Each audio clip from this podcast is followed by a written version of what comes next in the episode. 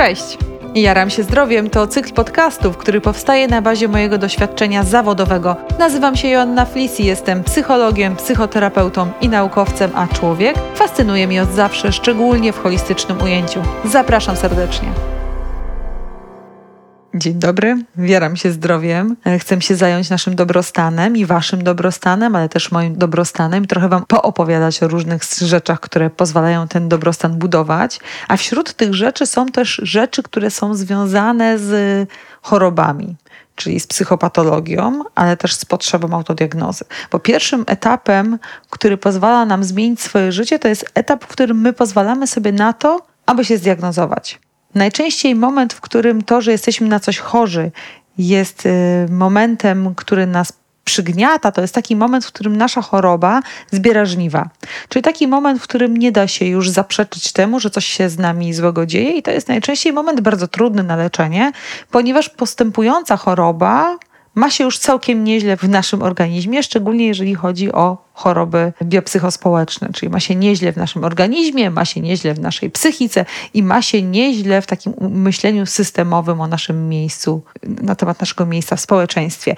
I wśród takich chorób, które właśnie w taki podstępny, fazowy sposób się w nas zakorzeniają, a których konsekwencje potrafią być potężne i już nie do zlikwidowania, jest właśnie uzależnienie. Uzależnienie jest specyficzną chorobą, ponieważ nie ma takiej odpowiedzi, w którym momencie momencie ono się już dokładnie zaczyna, a w którym momencie ono jeszcze nie istnieje. Czyli jest to pewien taki proces pojawiania się i manifestowania mechanizmów uzależnienia w naszym funkcjonowaniu społecznym, i takim prywatnym, ale też takim behawioralnym, związanym z zachowaniami, nawykami, czy emocjonalnym, czyli w takim, w którym my w jakiś sposób zaczynamy otaczający nas, nas świat przeżywać i interpretować i nadawać mu jakieś znaczenia. Bardzo często zgłaszają się do mnie do gabinetu osoby, które zgłaszają się już zbyt późno czyli ich mechanizmy uzależnienia są tak mocno rozbudowane, że nie są one już w stanie wrócić do nauki kontrolowanego picia i nie są w stanie rozpocząć działań profilaktycznych, ponieważ to, w jakim miejscu są w życiu, wymaga całościowej psychoterapii nie tylko zespołu uzależnienia od, od alkoholu, na który chorują, ale też psychoterapii takiej na poziomie zaburzeń emocjonalnych, na po, poziomie zaburzeń e, społecznych, interpersonalnych. W dużym skrócie trafiają ludzie w potężnym kryzysie życiowym. Natomiast e, takim powodem, dla którego ludzie trafiają tak późno do, do leczenia, moim zdaniem zbyt późno, jest fakt, że zbyt późno pozwalają sobie na to, aby skonfrontować się z własnym uzależnieniem. Czyli za późno zabierają się za autodiagnozę za późno się nad nią pochylają. Z uzależnieniem jest y, trochę jak z gangreną, tak? Czyli jakby nie da się go zatrzymać w takim miejscu, właściwie zlikwidować, nie zatrzymać, lecz zlikwidować. Czyli jeżeli ono się już pojawi, to się pojawi, ale możemy zatrzymać jego rozwój. Czyli mamy pełen wpływ na to, czy to uzależnienie będzie postępować, czy to uzależnienie zatrzymamy. Im szybciej zaczniemy, tym łatwiej będzie nam zatrzymać rozwój tej choroby chronicznej. Od czego możecie zacząć, żeby się zdiagnozować? No być może od tego, że warto taką autodiagnozę najpierw sobie zrobić na poziomie rozumienia faz rozwoju uzależnienia od alkoholu. Bo ono jest fazowe rzeczywiście i rozpoczyna się taką fazą wstępną. To jest taka faza, która zaczyna się najczęściej od konwencjonalnego picia, czyli takiego, które nie odbiega od społecznie akceptowanego wzorca, który jest zapisany w naszej kulturze. W związku z tym ten jej początek jest bardzo trudny do uchwycenia. To, co można zobaczyć, to to, że nagle w naszym życiu pojawia się zdecydowanie więcej okazji do picia. I jakoś tak się zadziewa, że ludzie, którzy nas otaczają, to ludzie, którzy ewidentnie picie traktują jakiś sposób rozrywki i spędzenia wolnego czasu.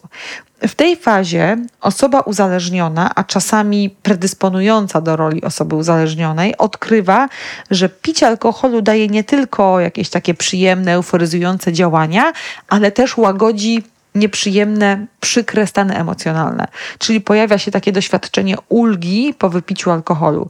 Czyli człowiek odkrywa, że ten alkohol służy nie tylko temu, żebym ja się świetnie bawił z ludźmi, ale też pozwala mi lepiej zasypiać, lepiej radzić sobie ze złością, lepiej radzić sobie z napięciem, być może unikać na przykład takiego natrętnego myślenia o rzeczywistości, albo redukować katastroficzne wizje przyszłości, a być może pod wpływem alkoholu łatwiej mi snuć pozytywne wizje mojej przyszłości. Więc zaczynam traktować alkohol, taka postać zaczyna traktować alkohol nie tylko jako element życia społecznego albo element interakcji społecznych, wtedy kiedy się pojawia jakaś impreza albo jakieś ceremonie, ale jako sposób na zarządzanie własnym życiem emocjonalnym i to jest ewidentne. Jeżeli zaczynacie rozpoznawać, że ten alkohol przynosi wam ulgę i jeżeli coraz częściej zaczynacie rozpoznawać, że czujecie nie złość, nie smutek, nie lęk, lecz potrzebę napicia się, to znaczy, że w tej fazie choroby zaczynacie się rozpędzać, tak? Czyli, że idziecie w takie miejsce, w którym całe życie emocjonalne będzie się sprowadzać do odczuwania ulgi, a sposób radzenia sobie z tym życiem emocjonalnym, czyli z tym napięciem, będzie redukował się do jednego sposobu, czyli do zażywania alkoholu. Takie picie staje się jedną ze strategii radzenia sobie z nieprzyjemnymi emocjami, ale też często staje się jedną ze strategii wzbudzania emocji przyjemnych, bądź jedną ze strategii radzenia sobie z nudą, monotonią i brakiem stymulacji. To, to, to jest taka faza prealkoholowa. Określa się ją mianem y, takiego picia jako ucieczki. Chory ma często ochotę na taki kolejny kieliszek w gronie znajomych, nie odmawia, gdy inni zapraszają. Tak jakby y, zmienia często środowisko, w którym spędza czas, na takie, w którym alkohol jest częściej spożywany. Na tym etapie możecie już u siebie zaobserwować, że wasza tolerancja na alkohol, taka związana z adaptacją organizmu, się zwiększa. Tak, czyli że dotychczasowe dawki alkoholu stają się jakieś nie, niewystarczające, albo możecie pozwolić sobie na to, żeby wypić więcej. Zaczynacie myśleć o tym jako efekcie tak zwanej mocnej głowy. Natomiast nie jest to efekt mocnej głowy, lecz jest to efekt przyzwyczajania się wątroby do metabolizowania alkoholu i w ten sposób zaczyna się pierwszy proces takiego fizjologicznego uzależnienia od alkoholu. Możecie też zauważyć, że potrzebujecie większej dawki alkoholu, a być może mocniejszego alkoholu do tego, aby uzyskać ten sam efekt. Albo robicie wszystko, żeby móc pić dłużej i więcej, ponieważ sam proces spożywania alkoholu jest dla Was mega atrakcyjny. Na tym etapie osoba pijąca zazwyczaj jeszcze nie dostrzega problemu i faza ta może trwać kilka miesięcy, a może też trwać kilka lat, w zależności od tego, jakie mechanizmy samokontroli dana osoba posiada. Chociaż to nie jest tak, że jeżeli my mamy sprawne mechanizmy samokontroli, to to jest czynnikiem chroniącym nas na wiele, wiele lat. To, jest, to może być czynnikiem, który opóźni rozwój uzależnienia, natomiast macie jak w banku, że jeżeli będziecie w regularny sposób spożywać alkohol w coraz większych ilościach, to te psychologiczne i fizjologiczne mechanizmy uzależnienia, one się pojawią prędzej czy później. W fazie ostrzegawczej, czyli w tej fazie takiej zwiastunowej, zaczyna się moment, w którym pojawiają się pierwsze luki pamięciowe, tak zwane przerwy w życiorysie, taki rodzaj krótkiej amnezji związanej z piciem bez utraty przytomności, tak? Czyli w nomenklaturze medycznej mówimy na to palimpsesty, czyli jeżeli urwał ci się film i urywać się film coraz częściej, to wiedz, że nie jesteś już w fazie prealkoholowej, tylko jesteś w fazie zwiastunowej uzależnienia. Te urwane filmy polegają na takiej niemożności przypomnienia sobie przebiegu wydarzeń w trakcie upojenia alkoholowego. Pomimo, że nie doszło do utraty przytomności pod wpływem alkoholu, to i tak nie pamiętasz, co się zadziało, tak? W tym stadium picie staje się jakimś rodzajem też wewnętrznego przymusu, takiego trudnego, ale możliwego jeszcze do przezwyciężenia. Czyli coraz trudniej jest ci odmówić sobie alkoholu, coraz trudniej jest ci też ze sobą się umówić co do tego, ile wypijesz, kiedy wypijesz, z kim wypijesz i kiedy zakończysz, ale jest to dla ciebie jeszcze możliwe. Chory najczęściej, bo tu już możemy powiedzieć o tym, że, że to jest choroba, chory najczęściej szuka okazji do napicia się, jest często takim inicjatorem spotkań towarzyskich, suto zakrapianych alkoholem, pije wcześniej niż otoczenie, na przykład przygotowując kolację dla swoich przyjaciół, już spożywasz kieliszek wina po to, żeby wprawić się w nastrój, sięga po alkohol, bo rozładowuje napięcie, przynosi mu to ulgę, a rozpoczęte picie często kończy się właśnie urwaniem filmu albo jakimś takim klinowaniem na drugi dzień, czyli objawy kaca zaczynają być dla ciebie już tak nieprzyjemne. Chcesz sobie wypić, na drugi dzień po to, żeby je zredukować. To jest też ważne, że zmieniają się Twoje przekonania na temat picia, tak? Czyli coś, co wcześniej wydawało Ci się niemożliwe, czyli na przykład picie przed południem albo pójście na kacu do pracy, dziś staje się dla ciebie normą. Traktujesz to jako normalny element e, Twojego życia i przestajesz to w jakiś sposób e, postrzegać jako coś, co ci zagraża. Czyli zaczyna się też takie myślenie, w którym ty chronisz sposób, w jaki spożywasz alkohol, poprzez racjonalizowanie konsekwencji jego używania. Chory może też odczuwać tutaj wstyd, tak? Czyli częściej pojawiać się wstyd na temat tego, jak pijesz, częściej unikasz rozmów na temat alkoholu, częściej zaczynasz też ukrywać, że pijesz i twój model picia może wybiegać poza dotychczasowe formy, czyli być może zaczynasz już pić w samotności, być może też zaczynasz e, pić w takim modelu picia codziennego, czyli pojawiają się pierwsze takie ciągi alkoholowe, w których ty pijesz jeden, dwa, trzy, cztery, pięć dni z rzędu. Najczęściej z czasem zaczynacie na tym etapie zauważać, że coś się zmieniło w waszym sposobie picia, jednak tutaj bardzo silnie działa racjonalizacja, działają e, różne mechanizmy obronne, które pozwalają wytłumaczyć dotychczasowo ponoszone konsekwencje picia. Takim ważnym aspektem jest fakt, że im, im bardziej jesteście inteligentni, im bardziej sprawne macie mechanizmy obronne, tym mocniej i lepiej potraficie sobie zracjonalizować swoje dotychczasowe picie. Czyli wasz cały intelekt i wszystko to, co ma dotychczas i miało dotychczas służyć ochronie waszego psychologicznego funkcjonowania, jest zaprzęgnięty, zaczyna być zaprzęgnięty na rzecz waszego picia. I to jest sytuacja niezwykle niezwykle niebezpieczna, bo oto właśnie wszystko to, co miało działać na waszą korzyść, zaczyna działać na korzyść alkoholu. Czyli jeżeli zaczynasz racjonalizować, jeżeli zaczynasz sobie tłumaczyć swoje picie, jeżeli zaczynasz odnosić się, porównywać z innymi w taki sposób, który sprawia, że zawsze wychodzisz z korzyścią, jeżeli twoje myślenie o swoim piciu zawsze idzie w takim kierunku, żeby zminimalizować jego znaczenie w twoim życiu, albo żeby koloryzować wspomnienia, minimalizować e, e, swoje takie zachowania, których się być może wstydzisz, a które się pojawiły pod wpływem alkoholu, to znaczy, że coś się dzieje.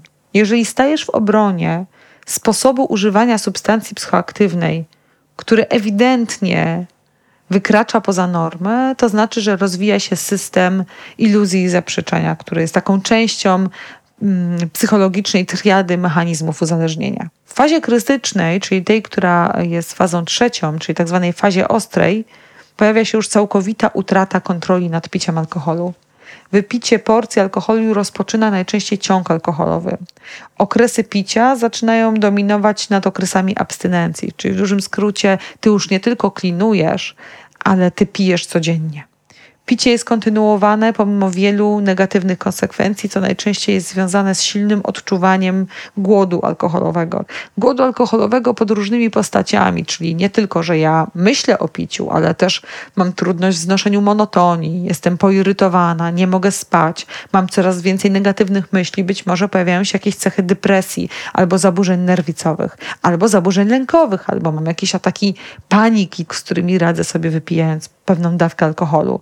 I to jest dosyć istotne, że na tym etapie te wcześniej rozwinięte mechanizmy racjonalizacyjne, one się jeszcze bardziej uzbrajają zaczynasz chronić dostępu do wiedzy na temat tego, że w ogóle spożywasz alkohol.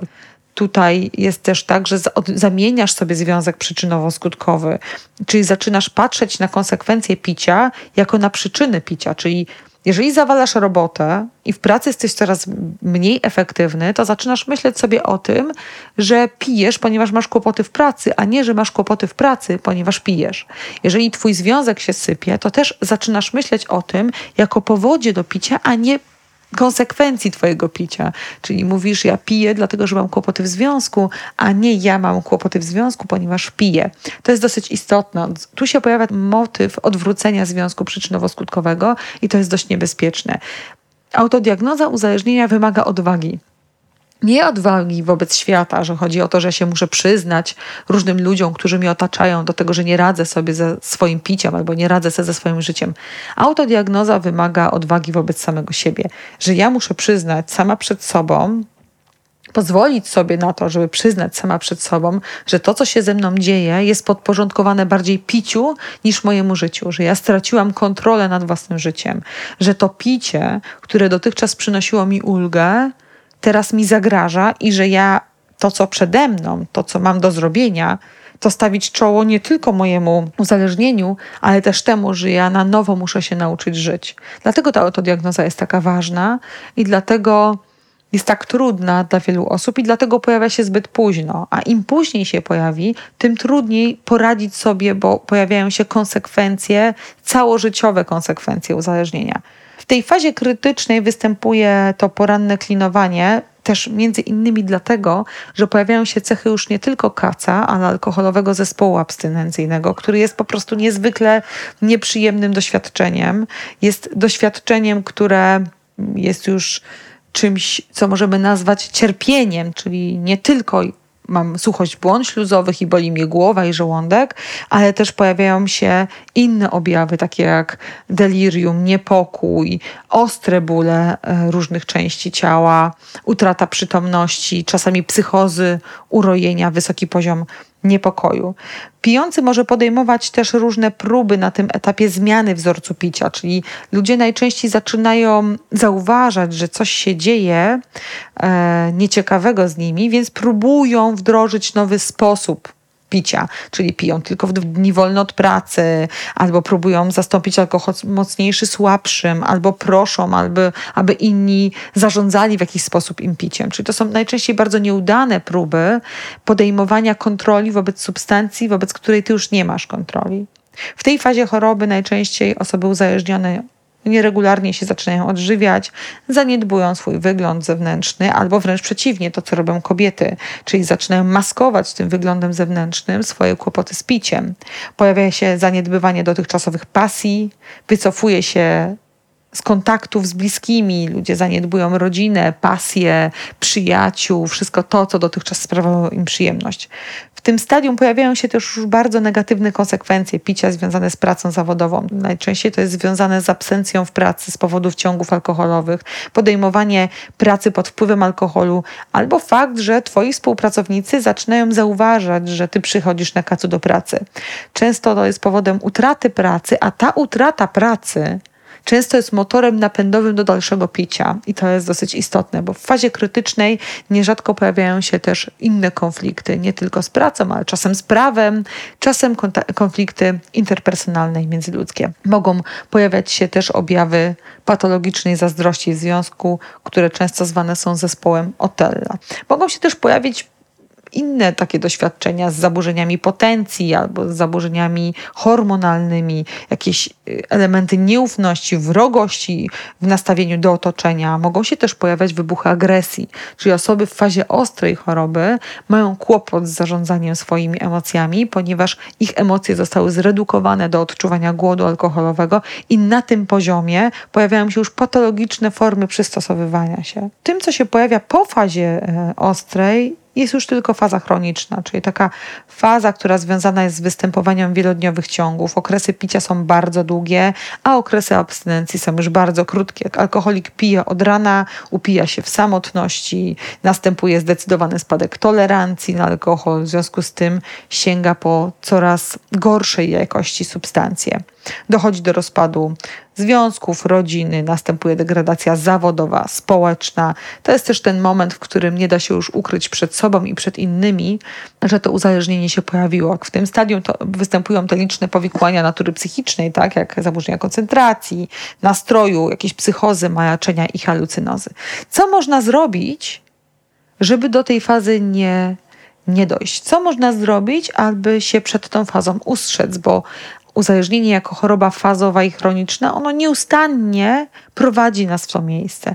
To, co można zrobić, to dokonać autodiagnozy jak najszybciej. Możecie to zrobić sami, a możecie to zrobić w kontakcie z terapeutą uzależnień bądź z psychologiem, który specjalizuje się w psychoterapii uzależnień. Uzależnienie rozpoznajemy przez pryzmat konkretnych objawów. Te objawy rozpoznajemy na przestrzeni ostatniego roku. Jest ich sześć. Wystarczy rozpoznać trzy, które wystąpiły przez przynajmniej trzy miesiące w okresie ostatniego roku, żeby móc się zdiagnozować. I wśród tych objawów mamy, mamy głód alkoholowy, czyli wszystko to, co sprawia, że ty mimo tego, że masz negatywne konsekwencje, sięgasz po ten alkohol. Mamy wzrost tolerancji czyli wszystko to, co sprawia, że ty pijesz coraz więcej tego alkoholu, żeby osiągnąć zamierzony stan. Mamy alkoholowe zespoły abstynencyjne, czyli wszystko to, co sprawia, że ty musisz zaklinować, żeby poczuć się lepiej, bo na kacu zaczynasz mieć drżenia mięśniowe, nadciśnienie, tachykardię, nudności, wymioty, biegunki, bezsenność, rozszerzenie źrenic, wysuszenie śluzówek, wzmożoną potliwość, zaburzenia snu, zaburzenia nastroju, lęki. Na tej liście mamy też taki objaw jak zaniedbywanie alternatywnych źródeł przyjemności, czyli fakt, że ty rezygnujesz z tego, co dotychczas sprawiało ci przyjemność, ponieważ nie masz już na to przestrzeni. Jedynym sposobem radzenia sobie z twoim własnym napięciem i jedyną rzeczą, która przynosi ci ulgę, jest picie. Na tym etapie też pojawia się taki objaw jak utrata kontroli, czyli fakt, że ty podejmujesz różne próby zmiany sposobu użytkowania tej substancji, ale one są krótkotrwałe i nieefektywne, albo fakt, że ty się umawiasz ze sobą na, na jakieś takie przerwy abstynencyjne, tylko po to, żeby pokazać sobie albo innym, że twoje picie być może jeszcze nie wykracza poza granice normy.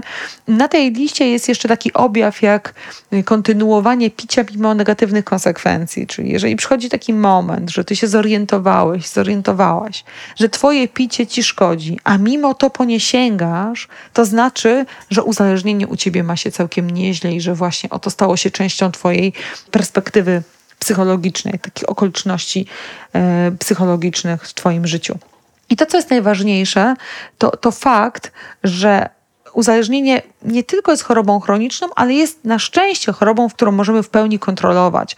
Czyli to, co ty możesz zrobić, jeżeli nawet nie panujesz nad sposobem kontrolowania swojego picia, nad sposobem spożywania alkoholu, to to, co możesz zrobić, to nauczyć się panować nad swoją abstynencją i to zagwarantuje ci, że ta choroba nie posunie się ani krok dalej. I tego ci serdecznie życzę. Jeżeli udało ci się w jakiś sposób się zdiagnozować dzięki temu, o czym tu opowiedziałam, to życzę Ci powodzenia w takim razie i trzymam za Ciebie kciuki. Pierwszym miejscem, do którego powinieneś, powinnaś się udać jest psychoterapeuta uzależnień, być może jakaś poradnia uzależnień, a być może jakiś gabinet psychoterapeuty uzależnień. Jeżeli w tej autodiagnozie nie, na szczęście nie udało ci się siebie rozpoznać, ale mimo to trafiłeś tutaj albo trafiłaś tu z jakimś takim konkretnym myśleniem o tym, że z tym twoim piciem coś jest jednak nie tak, to warto, abyś wdrożył, wdrożyła jakiś taki program profilaktyczny związany ze swoim piciem. Jeżeli chciałeś się doszkolić albo dowiedzieć czegoś więcej na temat uzależnienia, to miło mi było podzielić się z Tobą swoją wiedzą. Dziękuję serdecznie. Do usłyszenia.